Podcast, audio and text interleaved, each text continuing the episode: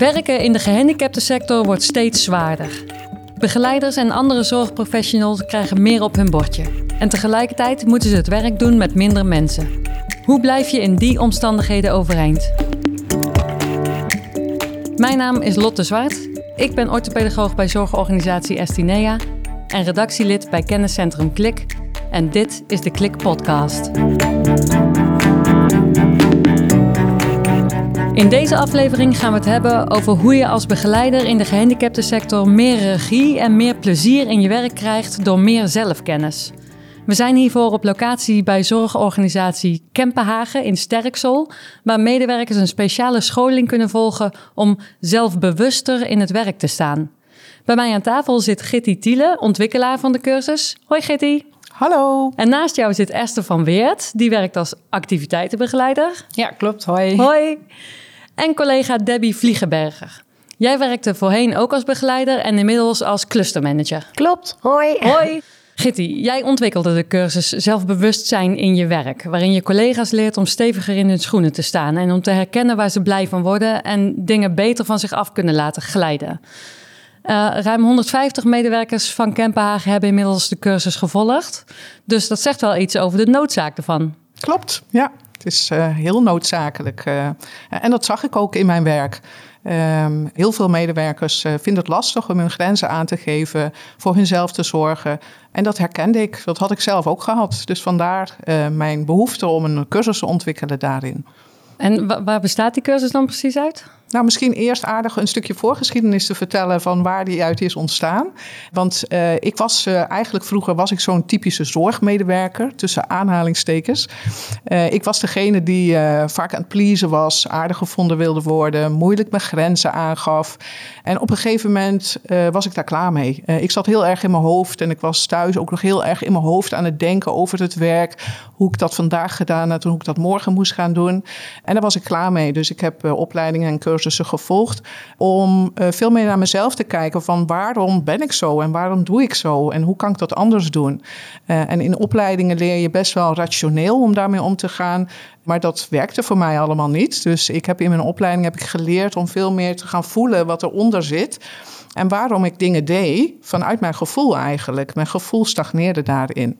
Uh, dus ik ben daarin gegroeid en ik werd daar steviger in en ik kon meer in mijn kracht gaan staan.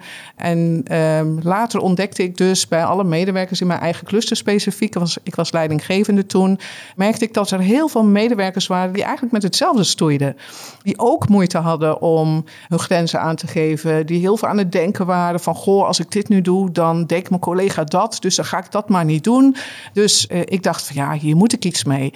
Uh, hoeveel feedbacktrajecten ik bijvoorbeeld smart gericht wel niet heb gedaan als leidinggevende, die weinig tot geen resultaat hadden, waar geen verandering in, in bewerkstelligd werd dat ik dacht van ja, wat ik heb geleerd, dat moet ik eigenlijk gewoon overdragen aan mijn medewerkers. Want waar, waarom lukt het dan niet op de smart gerichte manier? Nou, het smart gerichte, ik geef altijd het voorbeeld dat als je in het verleden bij mij was ik heel erg doelgericht. En ik vroeg van mijn medewerkers ook een ontwikkelplan dan te maken. Van waar ze in konden groeien, om dat smart te formuleren. Uh, en als ik dan bijvoorbeeld iemand had die het lastig vond om in een vergadering iets te zeggen. Dan had ik in het verleden gezegd van, goh, ga hem smart formuleren. Uh, ga eens beginnen met één keer een klein dingetje te zeggen in de vergadering. Ga je voorbereiden wat je dan gaat zeggen. En als je die eerste keer dan iets hebt gezegd, dan kan je naar de hand zeggen van, yeah, doelstelling behaald. Yeah. Door naar de volgende doelstelling. Maar dat gaat goed, maar je doet het heel erg op wilskracht. Um, maar waarom je het moeilijk vindt om iets te zeggen in een vergadering, dat ga je eigenlijk niet te weten komen dan vervolgens. Dus het smart kan lukken op wilskracht. Maar eigenlijk is dat maar voor een bepaalde periode. En na verloop van tijd val je weer terug in je oude gedrag. Uh, en vind je het gewoon weer lastig om iets te zeggen in de vergadering. Het is dus een beetje de buitenkant. Ja, ja, het is het rationele leren op wilskracht. En daarmee red je het voor een bepaalde periode, maar niet voor langere tijd. Want het komt niet in je zijn, het komt niet in je DNA, zeg ik uh, als het ware. En juist wat ik heb geleerd in mijn opleiding om veel meer te voelen van bijvoorbeeld in dit geval, waarom vind je het lastig om in de vergadering iets te zeggen? Hmm, misschien zit daaronder dat ik het gevoel krijg dat mensen mij dan niet meer aardig vinden of dat ik het niet goed doe. En dat gevoel wat je hebt, daar mag je naar kijken en dat mag je leren om wel te geven aan jezelf dat je het altijd goed doet. Dat je het, ook al zeg je hele domme dingen, je doet het altijd goed. En dat je dat mag gaan leren en dat mag gaan voelen. Dus jij gaat mensen helpen om naar die kritisch naar die stemmetjes te kijken die jou wel of niet tegenhouden. Ja, Eerst te kijken naar die stemmetjes en te herkennen welke patronen je hebt in je leven. Want we hebben een heleboel vaste patronen en vaste stemmetjes op onze schouders staan. Die ons instrueren en waar we gewoon zonder meer naar luisteren. Omdat ze er bijna ons hele leven al zijn. En we ze heel gewoon vinden eh, en we daar ook naar luisteren. Het is gewoon, ik ben nou eenmaal zo. Ik ben nou eenmaal de stille en ik ben nou eenmaal degene die snel boos wordt. En ik ben nou eenmaal die en ik ben nou eenmaal dat. Dan zeg ik nee, zo word je niet geboren. Zo heb je het jezelf aangeleerd. Uh, en dat heb ik zelf allemaal bij mezelf ontdekt. Ik merkte, nou, iedere zorgmedewerker heeft dit nodig. Uh, dus ik begon daarmee in mijn cluster in één op één gesprekken. Dat ik merkte van oké, wat ik zelf heb geleerd, dan kan ik die zorgmedewerker ook overdragen. Uh, en dat sloeg best wel aan. Hier had ik eigenlijk ook mijn eigen drempel om heeft overheen te gaan. Hè? Want wat zou ik dan moeten zeggen tegen die zorgmedewerker dat ik meer in mijn gevoel zat en werd ik dan niet gitty met de geitenwolle sokken aan, dacht ik dan. Uh, ben ik allemaal overheen gestapt. Uh, en ik merkte als ik daar het gesprek over had, dat mensen zeiden: Oh, dat is interessant. Oh, daar heb ik eigenlijk ook wel eens een keertje ja. iets in gedaan. Of, uh, oh, dat is wel interessant. Nou, dat ga ik ook eens proberen. Uh, en mensen werden daar blij van. Uh, en dat had resultaat. Naast al die feedback-trajecten die ik al, al had gehad, had dit vervolgens resultaat. Dus vervolgens dacht ik van ja, ik moet hier iets mee. Niet alleen die individuele medewerker, maar uh, ik wil het groter maken. Uh, en ik had, was toen leidinggevende van best een grote klussen. Dus ik heb alle medewerkers een mail gestuurd en gezegd van... goh, ik wil heel graag een pilot draaien. Jullie weten dat ik hiermee bezig ben. Ik wil graag een pilot starten uh, om hiermee aan de slag te gaan. Om te leren je grenzen aan te geven. Te leren zorgen voor jezelf. In te gaan zien waar je verantwoordelijkheid overneemt en waar niet. Um, en, en daar waren mensen enthousiast over. Dus er waren 25 mensen volgens mij die gestart zijn met de pilot. En dat was succesvol? Dat was succesvol. Want jij hebt het over een uh, zorgtypje. Hè? Ik was zo'n zorgtypje, zeg je. Ja. Wat, wat is een zorgtypje? Want kennelijk uh, hebben zorgtypjes allemaal een beetje een soortgelijk DNA. Wat, uh... ja. Een zorgtypje, zeg ik, uh, dat zijn heel veel mensen die in de zorg zijn gegaan, uh, die zich heel zwart-wit gezegd, en dit is heel generaliserend wat ik zeg natuurlijk, maar die zich ten dienste stellen van de ander. Die ander is veel belangrijker dan jijzelf. Jij staat op de tweede, op de derde of misschien op de laatste of helemaal op geen enkele plaats eigenlijk. Die ander staat altijd op de eerste plaats. Dus je doet het allemaal voor de ander. Dat is een beetje, vind ik, het gemiddelde DNA van de zorgmedewerker. En als jij zelf op de tweede, derde of op de laatste plaats staat, ja, dan doe je dus alleen maar dingen voor die ander. En dan ben je je dus aan het aanpassen. Dus de gemiddelde zorgmedewerker, die past zich aan. Die zegt ja tegen al die open diensten die er zijn. Die zegt ja tegen een uurtje langer blijven werken. Uh, die steekt als eerste zijn vinger op als er taken verdeeld moeten worden in de vergadering. Uh, en die is aan het denken of die het allemaal wel goed doet. En of die voor iedereen wel goed is. Goed zowel voor de cliënten, maar ook voor zijn collega's. Uh, want de collega's moeten ook allemaal rechtop blijven staan. En als een collega dreigt om te vallen, dan ga jij zelf een beetje harder lopen gewoon om die collega rechtop te blijven houden. Dus de zorgmedewerker die zorgt vooral voor de ander, maar niet voor zichzelf. Ja, ik, we hebben hier nog twee uh, medewerkers aan tafel. Uh, herkennen jullie een beetje in dit, uh, in dit verhaal, Esther? Ja, ik wilde de naam heel erg goed doen bij iedereen. En ik vond het heel moeilijk om fouten te maken. En ehm, het goed doen, het pleasen van, van anderen was heel erg bij mij wat ja. Met als gevolg voor jou? Um, dat ik het heel moeilijk vond om um, in, nou, in vergaderingen goed voor mezelf op te komen. Of uh, dingen aan te geven die ik uh, lastig vond. Of gewoon mijn mening te geven. Uh, ik merkte met het schrijven van mails dat ik nou, wel tien keer mijn mail nakeek of dat ik het goed geformuleerd had. Kostte hartstikke veel tijd. Heel veel bevestiging nodig van andere mensen. Doe ik dit goed? Uh, hè, wat vind jij ervan? Heb ik dit goed gedaan? Daar was ik eigenlijk steeds naar op zoek. Dus het kost heel veel energie. Ja. Zat je dan ook bijvoorbeeld tegen een burn-out aan? Of, uh... Nee, dat niet. Um, wat ik wel ook voor, bij mezelf merkte, naarmate dat ik eigenlijk ouder en meer ervaring had, dat ik wel steeds onzekerder werd in mijn werk op, op die gebieden die ik net uh, zei. Dus ik, waar je verwacht eigenlijk als professional steeds zekerder in je schoenen te staan, werd ik eigenlijk onzekerder. Ja, en, en dat weerhield mij om ook um, uitdagingen aan te gaan. Ik zag heel veel leuke dingen voorbij komen. Maar daar wilde ik niet op, op schieten. Want dan dacht ik, oh ja, maar dat kan ik helemaal niet. En dat doe ik toch niet goed. Oh ja. Dus uh, die liet ik aan me voorbij gaan. Ja, die eigenschap van jou werd eigenlijk een drempel om door Ja. te kunnen groeien. Ja, ja, dus ik zat echt eigenlijk, eigenlijk vast in een angst. Ook passend bij Gitty, is dat ook passend bij zo'n zorgmedewerker, zorgsyndroom? eh? Zeker, want ehm, eh, inderdaad, wat Esther ook benoemt, het goed doen, willen doen voor de ander. En eh, constant je lat heel hoog leggen en afhankelijk worden van die ander. Eh, dus ja, dat, dat is typisch van de zorg. En daar zo ver in doorgaan dat je beter, beter, beter, beter je best moet gaan doen. eh, en vervolgens angst krijgt dat je dan nog niet goed genoeg bent. Ja, dus ik ben niet goed genoeg. Dat Ja. is het stemmetje wat dan steeds eh, in je Ja, hoofd ja. zit. En ja, ik werk zelf ook in de zorg en dat is ook natuurlijk wel herkenbaar bij mezelf. Maar ik zie het ook bij collega's om me heen inderdaad. Dat, eh, Ja. dat is niet onbekend. Ja. Ehm, en jij? Ja, herkenbaar natuurlijk. Ik, ehm, ik heb een heel groot verantwoordelijkheidsgevoel ook. En ik herken heel erg dat als dus bepaalde zaken niet lopen, dat ik dan ehm, de neiging heb om dingen over te gaan nemen. Of ehm, inderdaad nog een stapje harder te gaan lopen, zodat dingen wel weer gestroomlijnd gaan. Maar inderdaad soms ten koste van jezelf. Dat je dan aan het einde van de dag helemaal op bent. eh, eigenlijk niet meer tot zo heel veel toekomt. eh, de kinderen op bed liggen en daarna is het eigenlijk klaar. Ja, en dat, ja, dat kost bakken met energie. Ja, wat doet dat met de mensen om je heen? Ja, dat is ook niet altijd fijn inderdaad als je zo thuis komt. Dat ze zeggen, nou, eh, het is ook wel gezellig als je nog een keer eh, s s'avonds mee wat doet of eh, op die manier. Ja, dus beter leren je energie te doseren en eh, te kijken naar wat is nou eigenlijk van mij en wat is ook van de ander. Ja, dat heeft mij wel geholpen met de cursus van Gitti, ja, ja. zeker. Ja, en zo heeft iedereen zijn eigen valkuilen ook. Hè? Waar je eh, gemotiveerd door, want eh, jouw cursus bestaat uit eh, eigenlijk drie blokken hè? van ieder twee keer twee uur, als ik het goed heb gelezen. Ja, het zijn vijf, vijf bijeenkomsten van twee uur. waarin we de, in de eerste twee keer twee uur het hebben over energie. Energie in en om jezelf. Eh, tweede blok gaan we het hebben over de emoties, al die gevoelens waar ik het net in de intro over had. Eh, wat voel je allemaal van binnen? Oh, ben ik wel goed genoeg? Eh, hoor ik er wel bij? Krijg ik wel voldoende erkenning? Voel ik me wel veilig? Gaan we kijken naar die emoties. Waar komen die vandaan en hoe kan je die naar luisteren en er iets mee doen, zodat je die minder gaat voelen. En in het derde blok, in de vierde les is dat dan, gaan we het hebben over verantwoordelijkheid. Eh, welke verantwoordelijkheid hoort bij jou en welke verantwoordelijkheid hoort bij de ander? Eh, en dat maak ik heel duidelijk visueel. Daar doen we ook visualisaties over.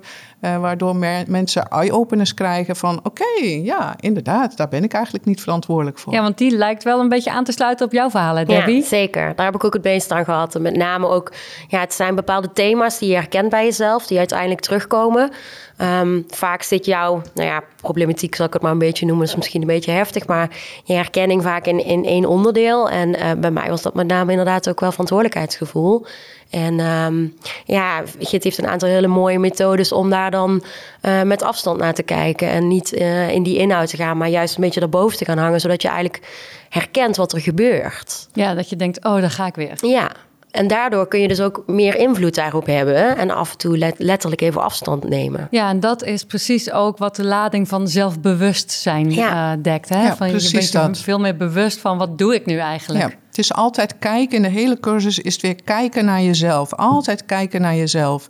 Wat gebeurt er bij mij? In die inderdaad te veel verantwoordelijkheid nemen, wat Debbie zegt. Als je te veel verantwoordelijkheid neemt, dan is het oké, waarom doe ik dit? Waarom wil ik te veel verantwoordelijkheid nemen? En dan ga je ze kijken naar jezelf en dan ga je misschien ontdekken van, ja, ik wil het ook heel graag goed doen. En ik wil dat alle mensen mij aardig vinden. En ik wil dat ik erbij hoor. En Dat zijn die motivaties Ja, die dan- stiekem jou Ja, aansturen. Ja, en dan, ga je dat ontdekken dat dat eronder zit. En daar mag je dan naar luisteren. En dat mag je uiteindelijk leer je in de cursus om dat aan jezelf te gaan geven. Want wij geven verantwoordelijkheid, wij pakken verantwoordelijkheid in de hoop dat als ik dan iets extra's doe, dat jij tegen mij zegt van nou die Gitty, die is een fijne meid, die gaat echt alles oplossen hier. Is echt een super leidinggevende. Ehm, eh, en dan krijg je Terwijl jij eigenlijk uit de uitgeblust op de bank zit ja, eh, ja. iedere avond. En daar doe ik het eigenlijk voor, want jij geeft mij dan voldoening, erkenning. Eh, maar ik stel me dan afhankelijk op van jou. Want ik hoop dan dat jij tegen mij zegt van nou, super gedaan. Maar als je dat niet doet, ja, uh, dan ga ik weer dit voelen. En dan ga ik nog extra verantwoordelijkheid nemen. Dat ik hoop dat jij het de volgende keer dan wel zegt tegen mij. Ja, ja, ja. En dan, uh, en dan draai je helemaal door daarin. Ja, en je wordt steeds afhankelijker en je gaat je steeds verder aanpassen daarin. En het is goed als je dat patroon gaat doorzien. Uh, dan zeg ik eigenlijk dat je de taartpunt van bij een ander uh, gaat vullen. Je, je, je, wil je eigen taartpunt vervullen vanuit de ander. En, en dan stel je afhankelijk op. En dat wil je niet. Je mag je eigen taartpunt vullen. Ja. Je mag jezelf erkenning geven. Ik ben goed genoeg. Ja, dat. Maar heel even, hè, want dat is een mooi verhaal. En ik denk ook dat het heel eh, passend is. Hè? Heel veel zorgmedewerkers zullen zich erin herkennen. Hè? Meer zelfbewustzijn van wat, wat motiveert mij nou. Maar het is toch ook gewoon realiteit dat wij helemaal worden overladen met extra regels, extra werk. Uh, we moeten dit, we moeten dat, we moeten zorgplannen en we moeten ook nog eens uh, goed voor de cliënten zorgen. Um, we worden toch ook gepusht om onze grenzen over te gaan. Ja het is ook eigenlijk funest voor de zorgmedewerker om dit allemaal op je bordje te krijgen. Want die zorgmedewerker, die wil alles doen. Uh, dus die gaat nog harder lopen om aan al die eisen te voldoen en om al die vinkjes te kunnen zetten en alle lijstjes in te kunnen vullen. Uh, en dan draai je door. En dat gaat ten koste voor jezelf. Uh, dus het is uiteindelijk de kunst, hoe meer je op je bordje krijgt, om nog meer naar jezelf te kijken en daarin keuzes te maken van dit doe ik wel en dit doe ik niet. Prioriteiten te stellen. Je kan niet alles doen. De gemiddelde zorgmedewerker wil alles doen, maar dat betekent dat als je alles gaat doen, dat je het maar voor 60% gaat doen. Want je raffelt alles af. Uh, dus je kan beter keuzes maken en zeggen: dit doe ik wel en dit doe ik niet. Maar dan stel je ook mensen teleur. Als je daar duidelijkheid over geeft van tevoren, dan stel je geen mensen teleur. Nee, en je gaat je eigen grenzen uiteindelijk toch niet over. Nee, Vooral ook als je kijkt richting de cliënten. Um, als zorgmedewerker wil je, gun je de cliënt alles. Uh, en je stelt een heleboel leerdoelen op voor die cliënt. Uh, en je gaat daarmee aan de slag. En je zegt, oh Pietje wil dit leren, dat leren, dat leren, dat leren. En je hebt vijf leerdoelen staan.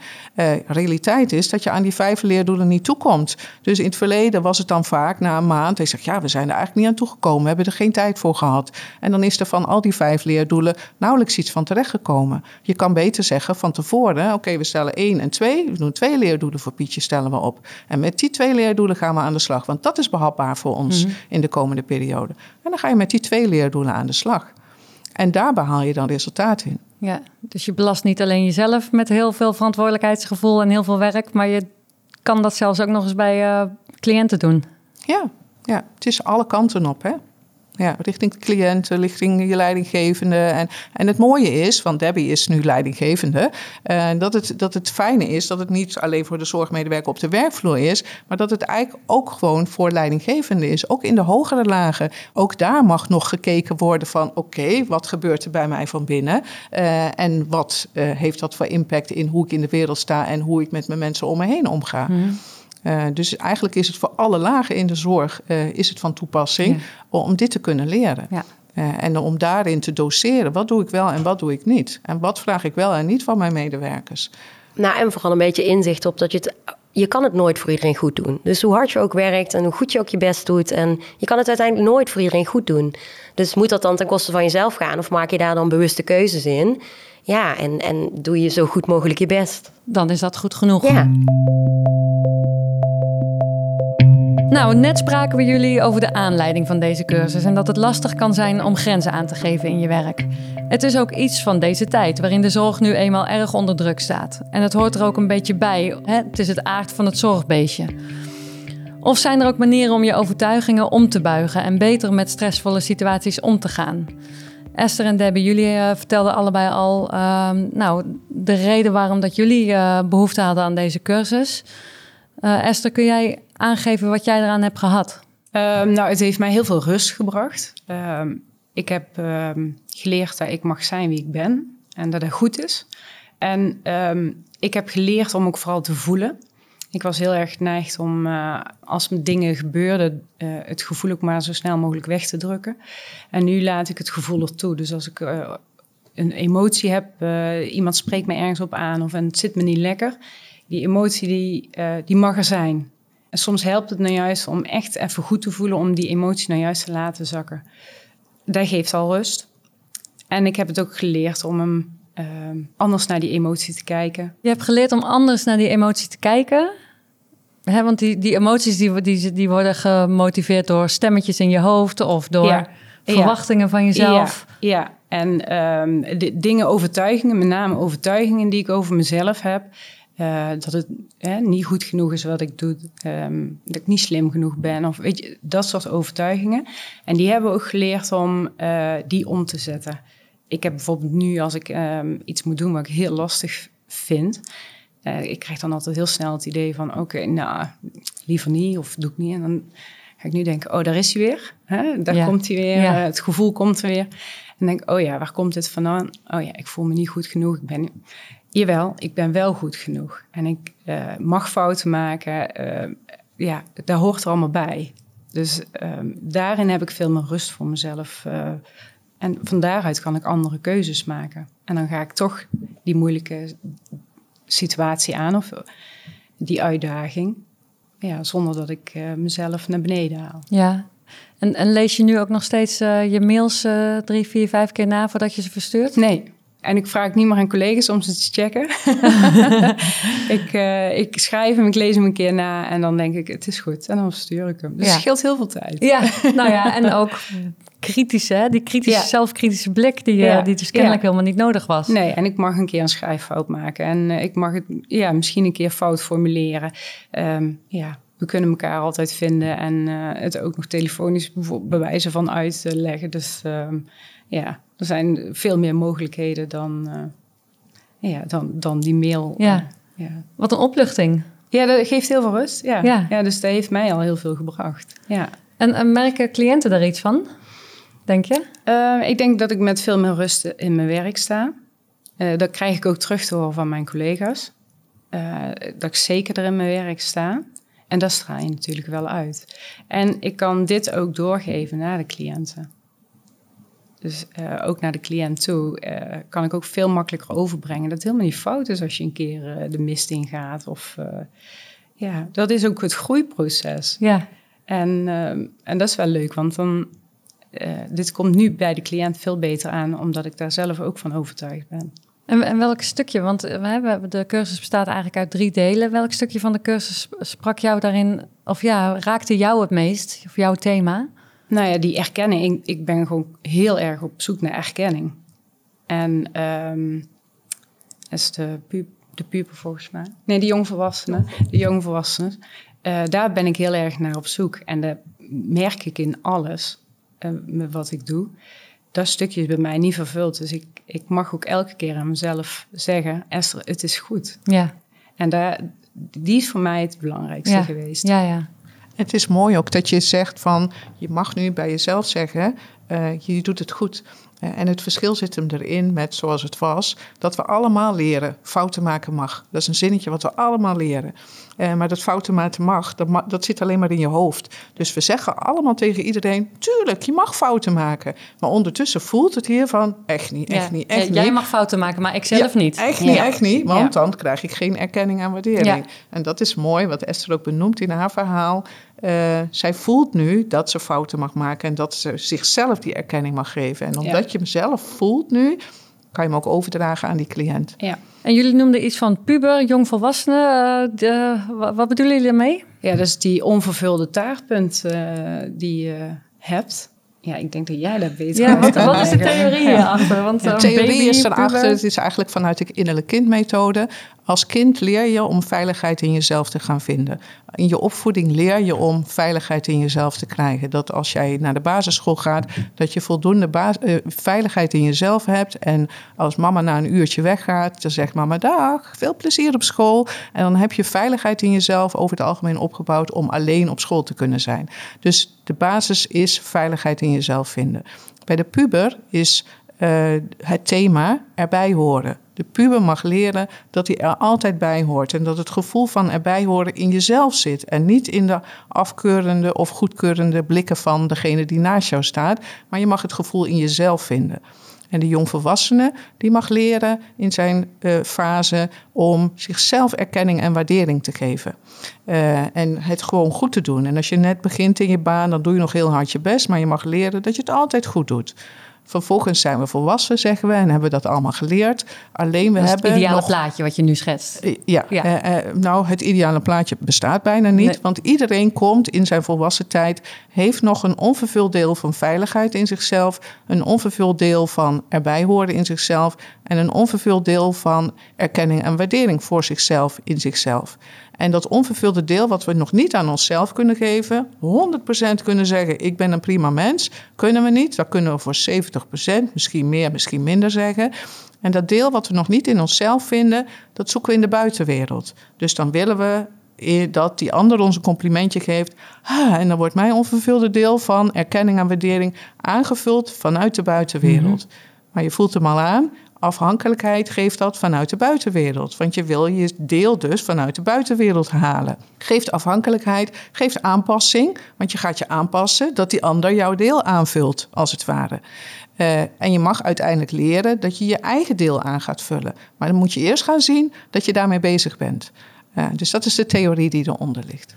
En dat zijn dus ook soms misschien wel de motivaties voor mensen om de zorg in te gaan. Ja, ja, want heel veel mensen zeggen: Oh, ik ga in de zorg, want ik hou er zo van om voor die ander te zorgen. Maar eigenlijk zit er heel vaak een jongvolwassen positie onder. dat je jouw onvervulde deel van erkenning en waardering aangevuld wil krijgen. Want hoe vaak is het niet dat als jij zegt, gewoon in de maatschappij: ik werk in de zorg, dan zeggen heel veel mensen: dat lijkt me goed zo'n dankbaar beroep. Ah, en dat is eigenlijk je vervulling van je taartpunt, van je onvervulde deel. Dat je denkt, ja, ik ben eigenlijk best wel goed. Ja, Dat. en maar werken, en maar werken. Ja. En je grenzen maar verleggen om, Ja. om van de ander te horen hoe goed je bent. Ja. Omdat je eigenlijk dat taartpuntje zelf te weinig kunt aanvullen. En überhaupt dit te zeggen tegen een zorgmedewerker in eerste instantie, dan hebben mensen al zoiets van: nee, echt niet hoor, dat doe ik echt niet hoor, om die erkenning en waardering te krijgen. Dus dat is het proces waar je doorheen mag gaan, om dat uiteindelijk wel te zien, dat dat er eigenlijk onder zit. Ja, want het, het klinkt een beetje egoïstisch. Ja, en daar hebben we het ook over in de cursus. Eh, dat zorgen voor jezelf, dat daar vaak een etiket op zit, dat dat egoïstisch is. En daar hebben we ook het gesprek over. Van hoe voelt het eigenlijk als je wil gaan zorgen voor jezelf? Want inderdaad, als jij de overtuiging hebt dat zorgen voor jezelf egoïstisch is, dan ga je daar nooit komen. Dus je mag ook eerst dan die, eh, die overtuiging aankijken. En ik schets dan altijd in de cursus, eh, en dat maak ik altijd heel beeldend door achterover te gaan zitten en mijn voeten op de tafel te leggen en te zeggen: Ja, dit is zorgen voor jezelf. Gewoon binnenkomen, s morgens om acht uur in de zorg en zeggen: Nou, vandaag heb ik eigenlijk niet zo zin hoor. Dus ik ga op mijn stoel zitten en ik leg mijn benen op de tafel en doe vandaag even niks hoor. En dat is dan zorgen voor jezelf. Ik zeg ja, dat is niet zo natuurlijk. Dat is niet zorgen voor jezelf. Zorgen voor jezelf zit in andere kleinere dingen. Je grenzen aan te geven. Nee te zeggen als je nee mag zeggen. En in al die andere dingen. Dus überhaupt het gegeven zorgen voor jezelf is egoïstisch. Is al een overtuiging die we ook aankijken in de, in, in de cursus. Maar het is ook een, bijna een taboe binnen eh, zorgmedewerkers onderling. Hè? Je bent al snel eh, niet altruïstisch genoeg. Nou, ook dat is een onderdeel in de, in, in de cursus. Want op het moment dat jij leert in de cursus om nee te zeggen, dan kan het gebeuren dat jouw collega haar wenkbrauwen op gaat trekken en zeggen: Nou, jij doet zeker een cursus of Ja. zo, zeg ik dan Ja. altijd. Eh, nou, jij bent ook een beetje apart bezig. Eh, en eigenlijk mag je daarin leren dat diegene die zijn wenkbrauwen optrekt, eigenlijk in zijn hart dat ook graag zou willen, maar dat nog niet lukt en daardoor een oordeel geeft over jou. Dus als die ander zijn wenkbrauw optrekt, leer je ook dat dat alles zegt over de ander en niks over jou. En dat jij dus in je kracht mag gaan staan om die wenkbrauwen te weerstaan. En überhaupt, de zorgmedewerker, die vreest die wenkbrauw al die gaat komen, die soms helemaal niet gaat komen. Hè? Ja, dat klopt. Maar, eh, maar misschien is het ook wel zo, inderdaad. Je, hey, dan, dan zorg je beter voor jezelf. En dan krijg je dus verwijten van collega's van... Ja, eh, hey, ja. eh, aan het werken jij? Ga jij je grenzen eens even over? Dat is dus- onderdeel van het proces dat je ook daar krachtig Ja, in mag gaan staan. Want de hele cursus gaat over regie nemen, in je kracht gaan staan. en ook kunnen dealen met collega's die dan misschien een oordeel over jou krijgen. En, en de- dat is onderdeel van het geheel. Mhm. ja. Debbie, jij had een, iets ander thema dan Esther. Hè? Bij jou ging het veel meer over van... eh, nou, als jij het niet doet, dan eh, doe ik het lekker zelf wel. Ja, groot verantwoordelijkheidsgevoel altijd gehad, zowel privé als in mijn werk. Maar ja, mijn thematiek zat ook wel in die eh, jongvolwassenen, erkenning en waardering. Ehm, het goed willen doen, inderdaad. En nou, ik heb met name heel erg geleerd dat ik meer ruimte heb om keuzes te maken en bewuster keuzes te maken. En um, inderdaad, de angst om nee te zeggen, wat zal er wel niet gebeuren, tot je het wat vaker gaat doen en het inderdaad eigenlijk misschien soms ook best wel meevalt. En je ervaart dat als je dus beter gaat zorgen voor jezelf, uh, dat je daardoor eigenlijk alleen maar beter voor de ander kan zorgen. Omdat er ruimte ontstaat en meer balans, meer rust. Inderdaad, dat herken ik ook wel wat Esther zegt. Ja.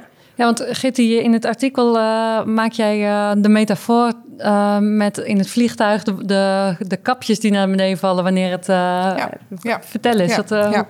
ja, dat is eigenlijk um, het onderdeel wat ik net ook vertelde over het rationele wat we leren. We leren, net zoals fouten maken mag, dat is eigenlijk hetzelfde als het vlieg, vliegtuigmondkapje. In het vliegtuig, in elke vliegtuigreis krijg je te horen eerst je eigen mondkapje opzetten en dan pas van die ander het mondkapje opzetten. En dat weten we allemaal, zit allemaal in ons hoofd. Maar zodra we weer op de aarde landen en vervolgens in de zorg zitten, dan zijn we geneigd om toch weer eerst het mondkapje van die ander op te zetten, figuurlijk, en dan pas van jezelf. Uh, en daar zit dus het gevoel onder, want je wil weer erkenning en waardering. Het kan toch niet zo zijn dat je eerst voor jezelf zorgt, terwijl we rationeel ook wel weten dat als jij niet helemaal fit bent, dan gaat de gemiddelde zorgmedewerker toch naar het werk. En die zegt, ja, ze kunnen mij niet missen. Dus ik pak even twee paracetamol en ik ga toch even lekker doorwerken, want anders loopt alles in de soep. Dus je gaat dan toch naar het werk. En dan signaleer je, als je echt bewust kijkt, signaleer je ook wel dat het allemaal wat moeizamer loopt. En dat die cliënten feilloos aanvoelen dat jij niet lekker in je vel zit. En dat het dan allemaal extra moeilijk gaat. Want die cliënt die voelt dat, dus die gaat een beetje extra in de weerstand. Maar toch is ons gevoel onbewust dominant. Dat we zeggen, ja, maar ik wil wel erkennen, ik kan toch niet zomaar me ziek melden. Hetzelfde überhaupt je ziek melden. Hè? Hoe vaak ik als leidinggevende niet gebeld ben met een ziekmelding. En het eerste wat die medewerker zegt, sorry, ik moet me weer ziek melden. Ik zeg sorry, waarom is het sorry? Je bent ziek of je bent het niet. Daar hoef je geen sorry voor te zeggen. Ja, jezelf excuseren voor, uh, voor jezelf eigenlijk. Ja. ja. En die mondkapjes, je bent dus eigenlijk hele dagen door mondkapjes bij, bij anderen aan het uitdelen. Ja. Terwijl je zelf uh, te weinig zuurstof hebt. Eerst voor jezelf zorgen. En als jij goed in je vel zit en als jij in balans bent, kan jij kwalitatief een veel betere zorg aan die cliënt geven. Ja. En we zijn dan ook nog altijd geneigd dat als onze collega ziek is, om te zeggen tegen de collega: collega, je moet echt, jij hoort in je bed, kom op naar huis jij. Maar voor jezelf zijn we hard en zelf pakken we extra paracetamol. Ja. ja, daarom zeggen we ook heel graag tegen een ander: hè, je doet het goed genoeg, je bent goed genoeg. Ach, hè, ga lekker uh, met de benen omhoog. Ja. Die adviezen die je een ander geeft, die volg je zelf eigenlijk nee, uh, het liefst nee. niet op. Omdat we hem alleen rationeel geleerd hebben. Ja. En we voelen hier, we zijn ons niet bewust van welk gevoel er bij jouzelf onder zit, waardoor je die rationele dingen niet op kan nee. volgen. Ja, want dan wordt die taartpunt niet gevuld. Nee. Nee. Dus dat is misschien nog wel ongemakkelijker dan het gevoel van ziek zijn. Ja, wat gaan ze wel niet van me zeggen? Het is al de tweede keer dat ik me ziek moet melden dit jaar. Het is wel heel confronterend hoor, wat je allemaal zegt. Want ik denk dat heel veel mensen zich hierin zullen herkennen. Ja. En, en Debbie, jij, jij zegt van nou, hè, wat ik over jou las ook en wat je zegt is, um, ja, ik, hè, als anderen het niet deed, dan deed ik het wel. Hè? Dus dan trok je eigenlijk hun uh, werk naar jezelf toe. Was het ook een beetje omdat je dacht van nou, ik kan het veel beter, ik doe het zelf wel? Nee, want wat ik vooral geleerd heb in mijn rol als leidinggevende is dat het eigenlijk veel mooier is om te kijken hoe je de ander uh, uh, de vraag kan stellen en uit kan nodigen. En juist doordat ik me meer kwetsbaar op ben gaan stellen, ook binnen mijn teams en naar mijn medewerkers, zie ik ook dat die uh, juist meer verantwoordelijkheid gaan nemen eigenlijk. Dus dat is eigenlijk een heel mooi proces als je zelf die, dat voorbeeld geeft ook. Uh, maar het begint wel bij die bewustwording. Je moet wel eerst doorhebben in wat voor proces je zit en op wat voor manier dat, dat je dat dan doet. Ja, want je zet een toon, hè? ook als manager, denk ja, ik. Zeker, ja, zeker. Ja. En ik zie ook echt in mijn teams met mensen uh, die met dezelfde dingen worstelen, dat, dat ze het ook echt heel interessant vinden. Dat het ook mensen er heel veel baat bij hebben. Omdat ja, het geeft je gewoon meer regie over je eigen leven. Het overkomt je minder.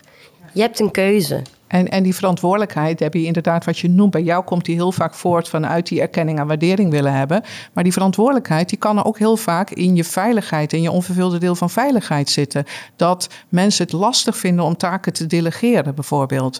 Uh, en dan zeggen ze, nou, ik doe het zelf wel hoor, want dan weet ik in ieder geval dat het goed gebeurt. Ja. Uh, en dat is het gegeven dat je alles dus in eigen handen wil blijven houden, zodat het in ieder geval goed gebeurt. Dat is jouw vervulling van jouw taartpunt van veiligheid. Want dan klopt het tenminste. Ook een typisch zorgmedewerkersdingetje, hè? Ja, of ja. Is het, uh, ja? ja, ja. Want op het moment dat ik moet zeggen, oké, dan vraag ik aan jou of jij dat deel doet. En Esther, jij doet dat deel. En Debbie, jij doet dat deel. Dan ben ik afhankelijk van jullie. En dan hoop ik dat jullie je dingen goed doen, zoals ik het in mijn hoofd heb.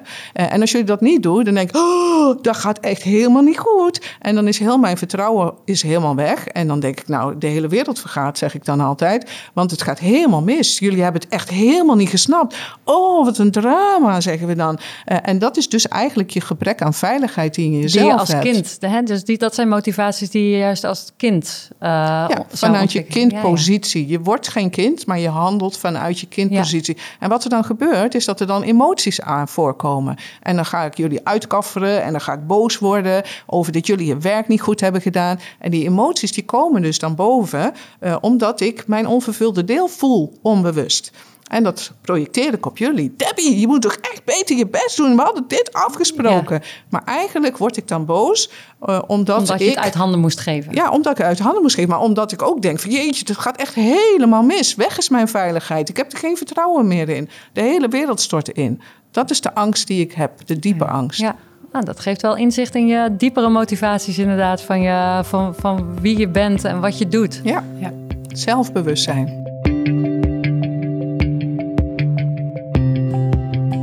Nou, we hadden het net over de omslag die jullie hebben gemaakt naar meer regie in je werk. Hoe zorgen jullie dat dit blijft beklijven en dat je niet in oude valkuilen terugvalt? En hoe kan meer zelfbewustzijn ook helpen bij het voorkomen van een uitval? Wat je nu ziet bij veel medewerkers na de coronaperiode. Want dat is wel zo, hè? Dat, althans, ik heb dat vaker uh, zelf ook meegemaakt. Dan heb je een inspirerende cursus ge gedaan en dan hè, ben je goed geconfronteerd met je eigen motivaties. Dat gaat dan een paar uh, weken goed en vervolgens val je eigenlijk weer in je oude, oude patroontjes. Debbie, hoe, hoe is het voor jou? Ja, ik heb de cursus twee jaar geleden gedaan. En wat mooi is aan het hele traject is dat er ook borgingsbijeenkomsten gepland zijn waar je op in kan schrijven. Um, waar je ook weer bewust met de thematiek bezig bent. Um, zodat het ook niet naar de achtergrond kan zakken. En wat ik voor mezelf doe, is dat ik bepaalde ankers heb uh, ingericht in mijn leven. Uh, die mij doen herinneren aan, oh ja, hier was ik mee bezig. Of uh, bepaalde stippen op de horizon, um, meditatie, visualisaties, dingetjes, uh, om er bewust mee bezig te blijven. En het ja, toch letterlijk gewoon in je agenda te plannen. En wat, wat plan je dan? Ja, dan zet ik een, een tekentje of zo, dat ik even een stukje bewustwording doe. Pak ik even een momentje voor mezelf. Um, S'avonds in bed een kleine meditatie of uh, dat soort oefeningetjes.